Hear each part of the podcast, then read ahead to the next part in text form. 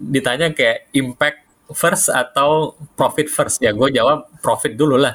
Uh, ketika bisnis lo kembang gede nanti lo bisa ngasih impact yang lebih gede kan ya. Uh, orang kadang-kadang kejebak dengan pengen coba ngasih impact terus. Uh, bisnisnya nggak dikembangin jadi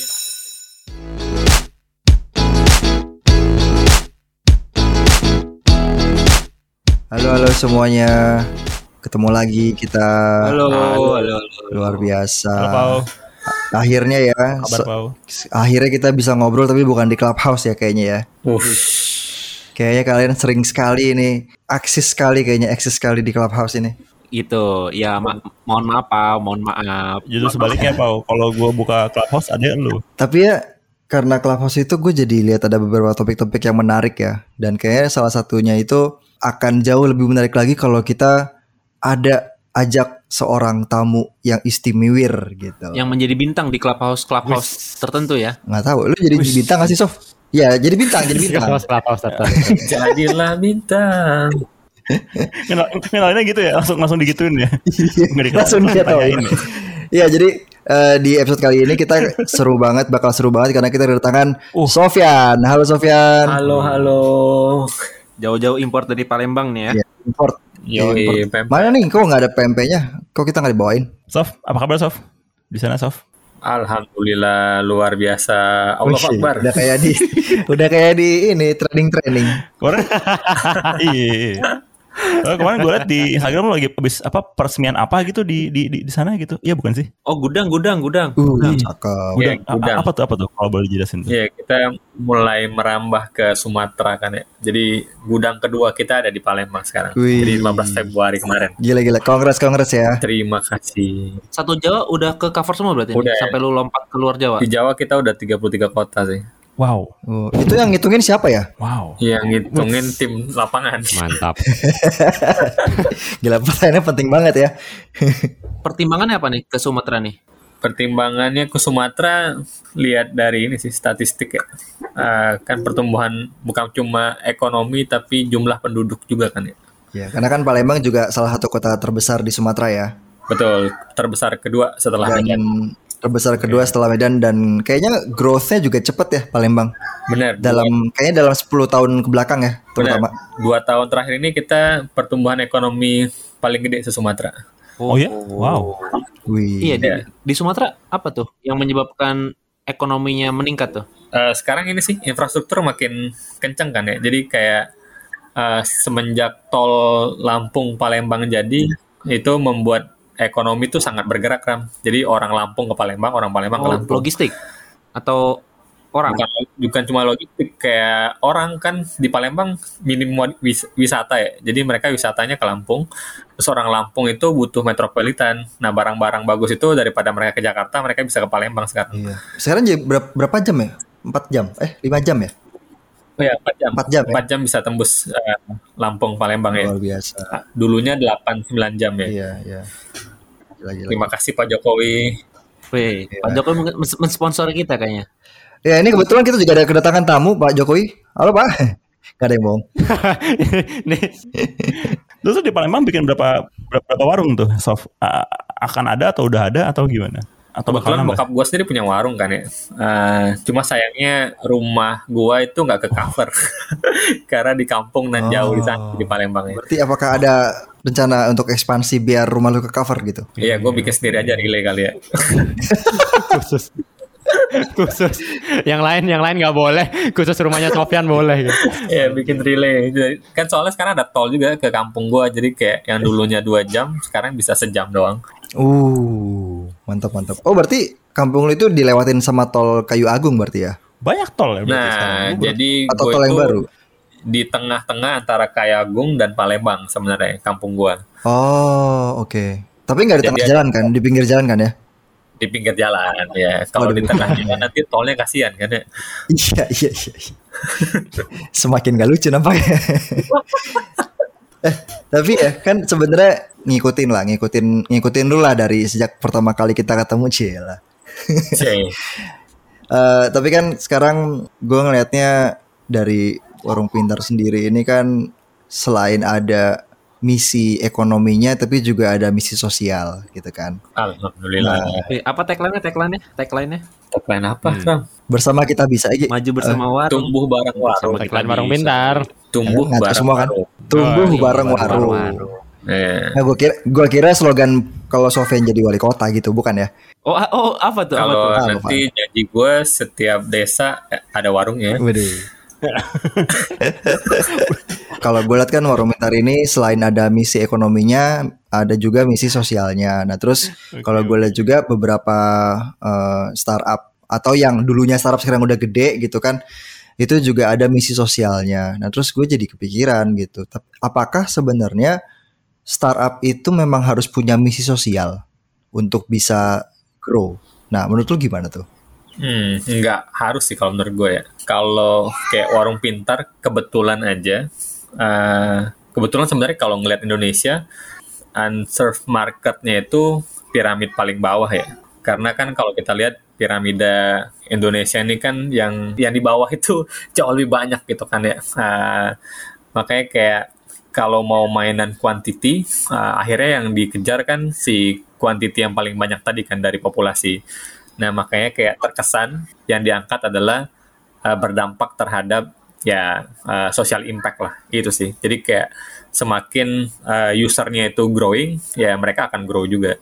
Nah, tapi tidak menutup kemungkinan kayak kayak ya kayak contohnya Traveloka kan di uh, airlines gitu kan ya. Uh, atau tiket nih ada Bapak Pau gitu kan ya di di airlines kan. Jadi kayak tidak menutup kemungkinan atau kayak ah, ya apa pun uh, startup yang purely teknologi juga uh, kan belum tentu directly berdampak kan ya.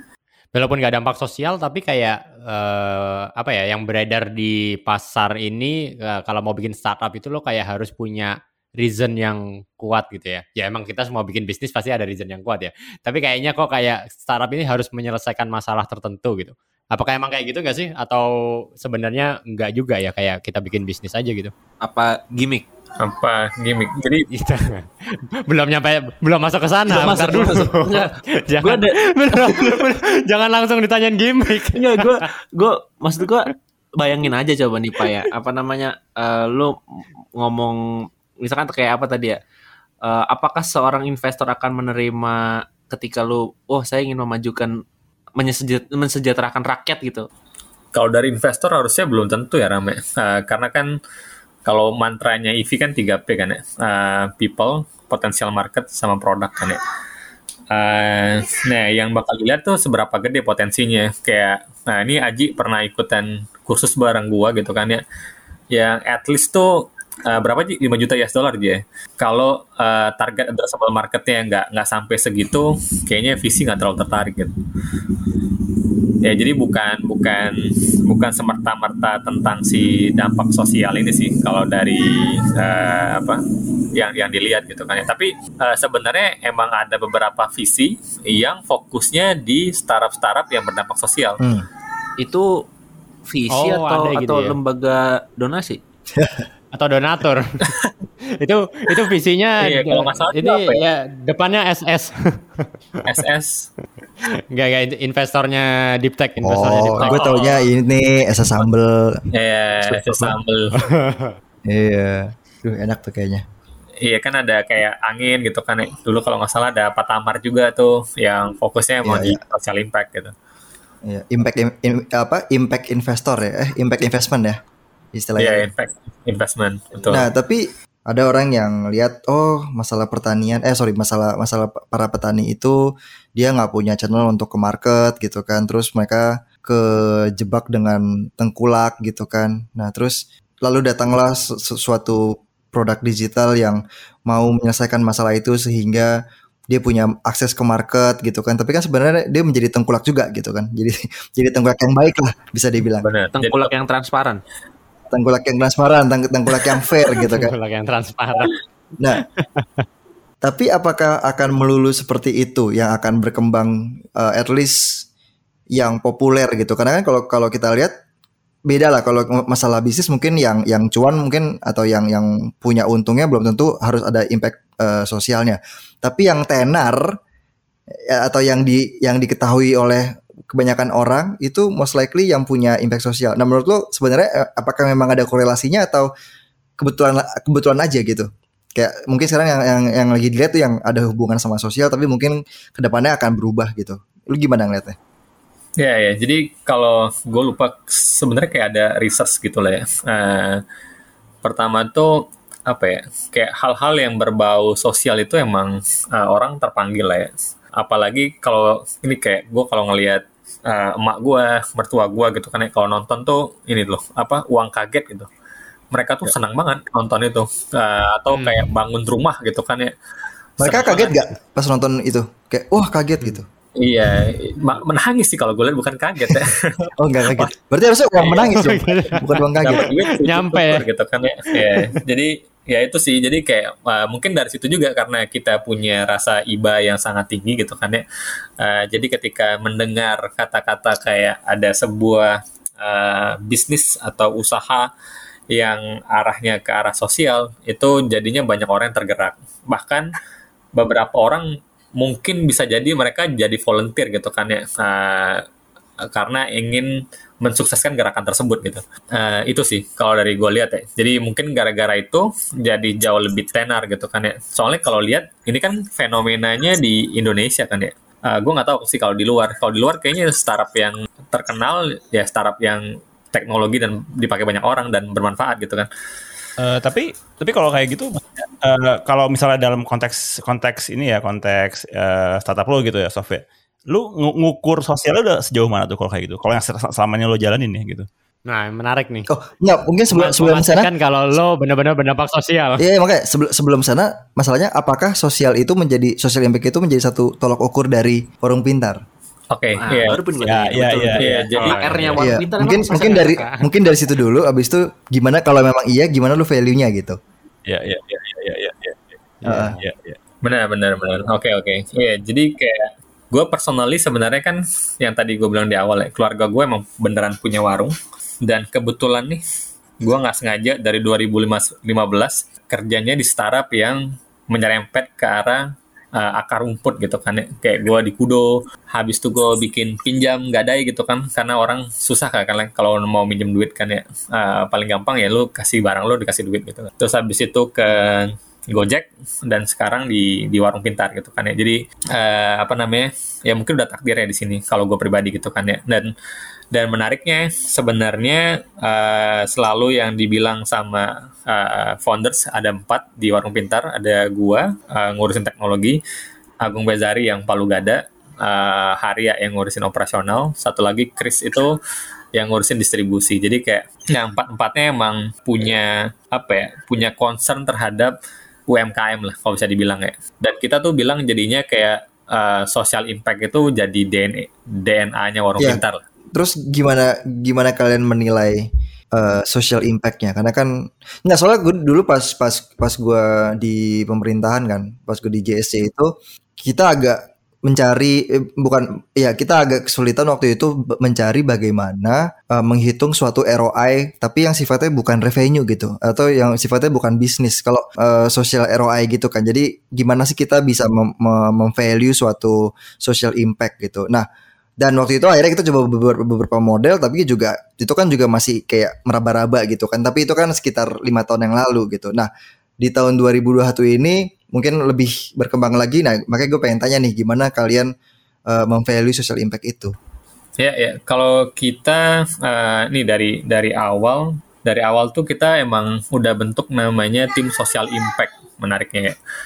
Jadi yang ngelit itu namanya namanya Jiwo Damar Anarki. Uh, dia dari awal dia tuh kayaknya dulu aktivis deh uh, di di UI. Jadi kayak emang emang kita tuh sangat ingin gitu lah uh, pengennya nggak jadi gimmick gitu lah beneran diukur bahwa beneran nggak sih ada social impact-nya benar tadi yang dibilang Pau kita juga kesulitan dulu nyari-nyari uh, ketemulah buku namanya SROI gue lupa penerbitnya siapa itu yang dibawa sama si uh, apa namanya si uh, teman gue itu si Jiwo ya nah namanya SROI Social Return of Investment Uh, gue lupa sebenarnya detailnya. Uh, intinya kayak dari berapa dolar yang kita keluarkan itu uh, dampak itu bisa diukur dengan apa ya? Kayak perbaikan di sekitar sana. Perbaikan tuh uh, apakah jadi ada tempat ngumpul gitu kan ya atau tempat belajar atau kayak uh, infrastruktur atau yang lainnya lah. Nah, makanya dari dari sana itu uh, kita tiap tahun sebenarnya uh, kayak timnya Jiwo ini bakal ngumpulin uh, volunteer uh, buat survei ke uh, kita bikin panel lah ya. Uh, semuanya karena capek juga kalau nggak nggak ngecek semuanya. Jadi kayak ada panel dan emang udah ada pertanyaan yang dibentuk lah. Uh, nah setiap tahun emang kita coba nge-revisi ulang uh, si uh, apa parameter-parameter yang kita ukur sebagai si social impact itu. Nah kayak yang 2020 itu udah keluar. Nanti uh, mungkin gue kasih link bitly-nya ya. Jadi bisa dilihat uh, apa aja yang jadi parameter uh, dan nilainya itu berapa. Nah di samping itu sebenarnya itu kan tentang SROI ya. Uh, di samping itu kita juga selalu ngelakuin survei tuh kayak literasi digital, uh, literasi finansial gitu terhadap uh, mitra-mitranya kita. Eh, ini menarik, gitu menarik banget, Mas. Gue pingin jadi pingin tahu nih uh, dari cerita lu, gue kebayang banget bahwa warung pintar nih bener-bener mengedepankan social impact ya gitu ya. Nah, gue malah bertanya-tanya nih, kayak yang dari yang gue tahu aja orang sebuah perusahaan yang punya dana CSR aja nih sedikit dimanipulasi untuk jadi dana marketing gitu ya. Itu yang gue tahu ya. Uh, karena kan mereka ngeliat kalau CSR bener-bener kayak donasi gitu buat mereka nggak ada untungnya kan. Nah tapi kenapa sih mas kok lu sampai di warung pintar sampai segitunya gitu loh?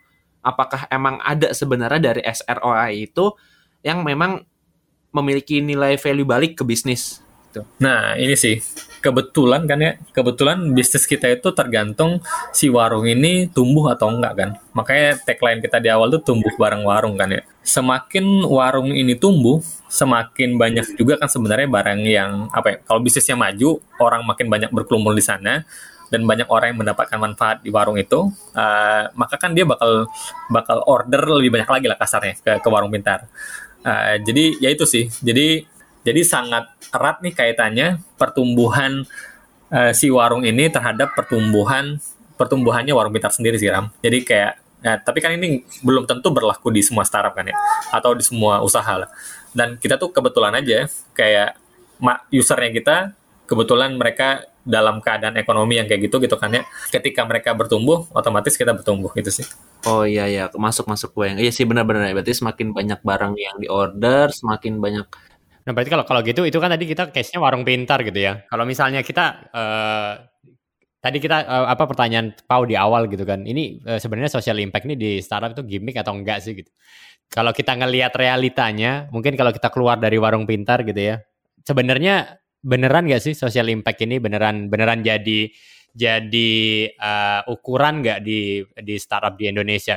Mungkin kalau Pau mungkin kalau dulu pernah lo di ke company yang lain atau lo pernah dengar kabar dari startup-startup company yang ada? Uh, yang gue tahu ada ada beberapa yang memang kayak warung pintar yang seserius itu uh, men, men, apa, menentukan apa nih pencapaian sosial dari atau, atau sorry pencapaian apa ya impact sosial dari apa yang di, mereka lakukan gitu kan dan itu sebenarnya uh, jadi salah satu napasnya mereka gitu kan misalnya kayak kayak kita bisa gitu kan. Terus uh, ada lagi beberapa yang uh, di bidang apa pertanian gitu kan.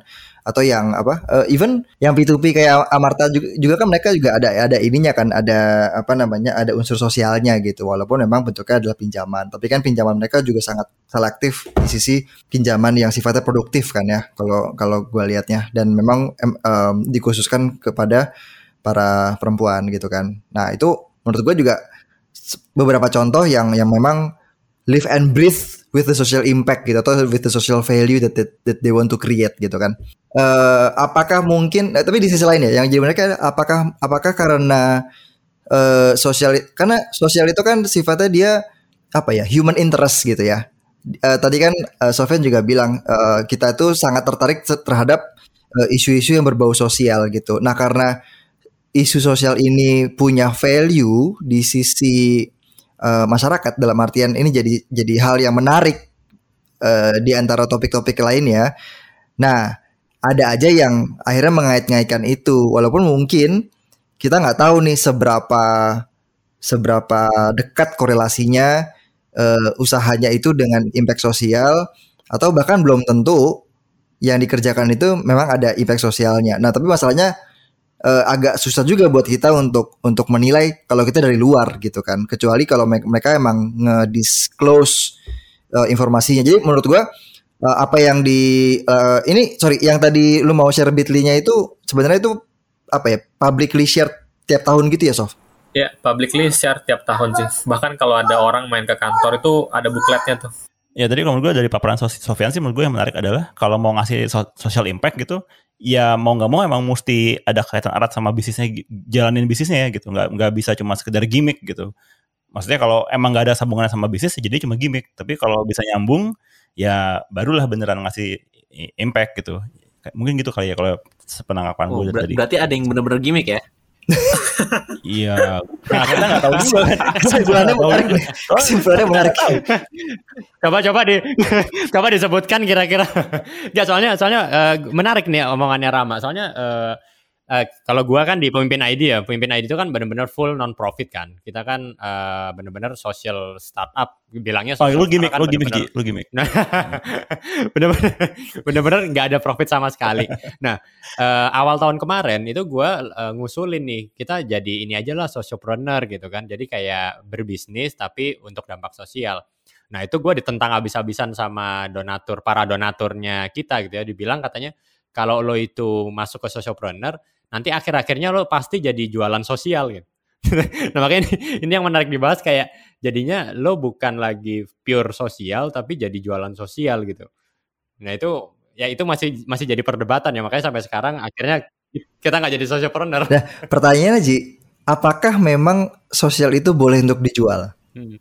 Waduh. waduh. Nah, ini pertanyaan menarik. Hmm. Wah, Sosial ini ini dalam bentuk apa ya? Kalau boleh tahu ya. menarik nih. Apa pun, apa pun bisa bisa topiknya, bisa apa? Bisa ceritanya, bisa apa pun lah kondisi sosial dan segala macam gitu kan. Dan bi- bisa jadi sosial itu eh, karena marketnya, karena supply-nya atau karena foundernya, ya kan? Atau karena investornya atau karena partnernya gitu kan. Itu macam-macam. Nah, kalau kita bungkus agak lebih tinggi tadi, tinggi lagi, pertanyaannya tadi, apakah sosial itu boleh dijual? Mungkin gue ya se- sebelum jawab pertanyaan Atau mungkin mungkin mungkin kalau bukan bukan masalah boleh, boleh kan masalah izin.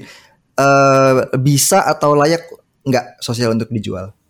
Nah, ini relate banget nih tadi sama tontonan favorit dari orang tuanya Mas Sofian. Tontonan Uang kaget. Tadi bedah rumah, terus apa lagi tuh? Uang kaget. Uang, kaget, uang kaget. Sosial kan, tapi dijual dalam bentuk entertainment. Itu mirip kan Pak kalau bilang so- sosial yang dijual. Benar nggak? iya iya benar benar Oke, benar benar, oke. benar, benar. Terus terus Nah, menurut tuh gimana? Iya, Menur- menurut lo gimana, Ram? ah, udah. Jangan menurut gue nanti gue yang kena lagi. Loh, Jadi enggak. dibalik. enggak, ini kan ini kan sebenarnya diskusi kan. Ini kan sebenarnya diskusi. Kita nggak ada yang ngejudge. Maksudnya ini malah malah jadi akhirnya malah jadi seru gitu kayak sebenarnya dengan dengan kayak gini di mana ya batas Iya, batas kewajaran tuh di, ada di mana ya gitu dan dan gimana ya baiknya kita ke depannya melihatnya seperti apa Ya dulu gua gua mikirnya kayak dengan apa ya banyak orang yang bakal bakal apa ya bakal bantuin kita gitu kan ya. Eh, tapi ya nggak juga gitu loh. Kalau nanyain kayak gampang nggak nyari karyawan ya susah juga. Tetap aja eh, nggak mulu tentang sosial gitu kan ya. Dan kadang ada beberapa tuh yang sosialnya eh, kuat banget. Nah, justru ya dia belum terlalu eh, ahli gitu loh. Nah ini jadi jadi apa ya? Jadi dilema juga sih buat buat kita juga sih. tapi tapi lu lu menganggap diri lu social planner enggak sob Enggak. Kalau kalau pengalaman gua sebenarnya beberapa eh, startup sosial gitu ya, itu ada yang ya menurut donatur gua itu memperjualbelikan sosial gitu. Jadi kayak contohnya ya ada lah ya kan kita startup yang memang fokusnya di sosial nih, tapi eh, ngambil sebagian dari uang sosialnya untuk keuntungan, which is itu eh, normal-normal aja gitu kan. Mungkin di di beberapa bisnis itu it's okay gitu. Cuma tetap aja akhirnya jadi kesannya itu kayak jualan sosial tadi gitu sih Pau. Mungkin ya nggak banyak tapi tetap aja ada beberapa itu yang akhirnya jadi buat orang-orang yang pure eh, donation gitu ya itu menganggapnya jadi kayak kesannya jualan sosial gitu. tadi tadi kayaknya eh, sebelum balik ke eh, apa tadi eh, statementnya siapa Eh, Aji Tadi kayak Sofian mau eh, mau jawab pertanyaan dari saudara Didit ini. Tadi kayak pertanyaannya, apakah lu sendiri melihat lu sebagai sociopreneur atau sebenarnya ya just sim- simple entrepreneur gitu? Ya kalau kita sih just simple entrepreneur ya. Nah, gue gue dulu sempat ditanya nih Aji jadi saksinya itu kayak ditanya kayak impact first atau profit first ya gue jawab profit dulu lah Uh, ketika bisnis lo kembang gede nanti lo bisa ngasih impact yang lebih gede kan ya. Uh, orang kadang-kadang kejebak dengan pengen coba ngasih impact terus uh, bisnisnya nggak dikembangin jadinya nggak sustain. Nah tadi kalau yang dibilang Rama tadi apa ya? Kayak kayak ya acara-acara TV itu kan ya. Itu kan dia nggak nggak terlalu mikirin sustainable-nya kan. Kayak gimana caranya dia bayar listrik nanti uh, segala macam kan ya. Uh, nah kalau kalau ya tadi balik lagi sih kita ada hubungan erat dengan mereka jadi ya kayak kita mikirin banget bisnis mereka tuh tetap uh, jalan terus gitu kan ya. Ya kayak ini, ini aja kalau kalau seandainya ada pendengar di sini yang pengen apa ya ya DNA-nya sebagai social impact tadi lah bentuklah tim yang namanya social impact terus coba hitung si SROI lakuin survei uh, setiap tahun lihat uh, makin berdampak nggak gitu kan ya dari setiap dolar yang dikeluarkan. Terus kayak itu uh, apa ya ya coba validasinya dari third party gitu loh apakah emang dari luar juga ngelihat bahwa beneran menghasilkan Oh. social impact tadi sih Iya iya iya. Ber- Iya. Berarti memang memang nggak bisa nggak bisa semata-mata klaim sendiri gitu aja ya. ya Tapi perlu ada check and balance dari third party apakah itu bentuknya mungkin Hmm. masuk ke penghargaan, nominasi gitu atau lebih ke apa? recognition gitu kali ya. Sof. benar benar benar iya soalnya kayak Iya, kemarin iya. kita sampai ke World Bank lah uh, uh, apa kayak ya kita pengen banget gitu loh. Uh, apakah kita beneran nggak nih? Beneran nggak sih social impact nggak? Kita juga kita sendiri takut gitu kan ya Uh, nah makanya kayak kita selalu nyari gimana caranya. Itu pesan buat teman-teman sih. Uh, Hmm. kalau emang pengen social impact gitu kan ya Menarik menarik banget ya. Nice.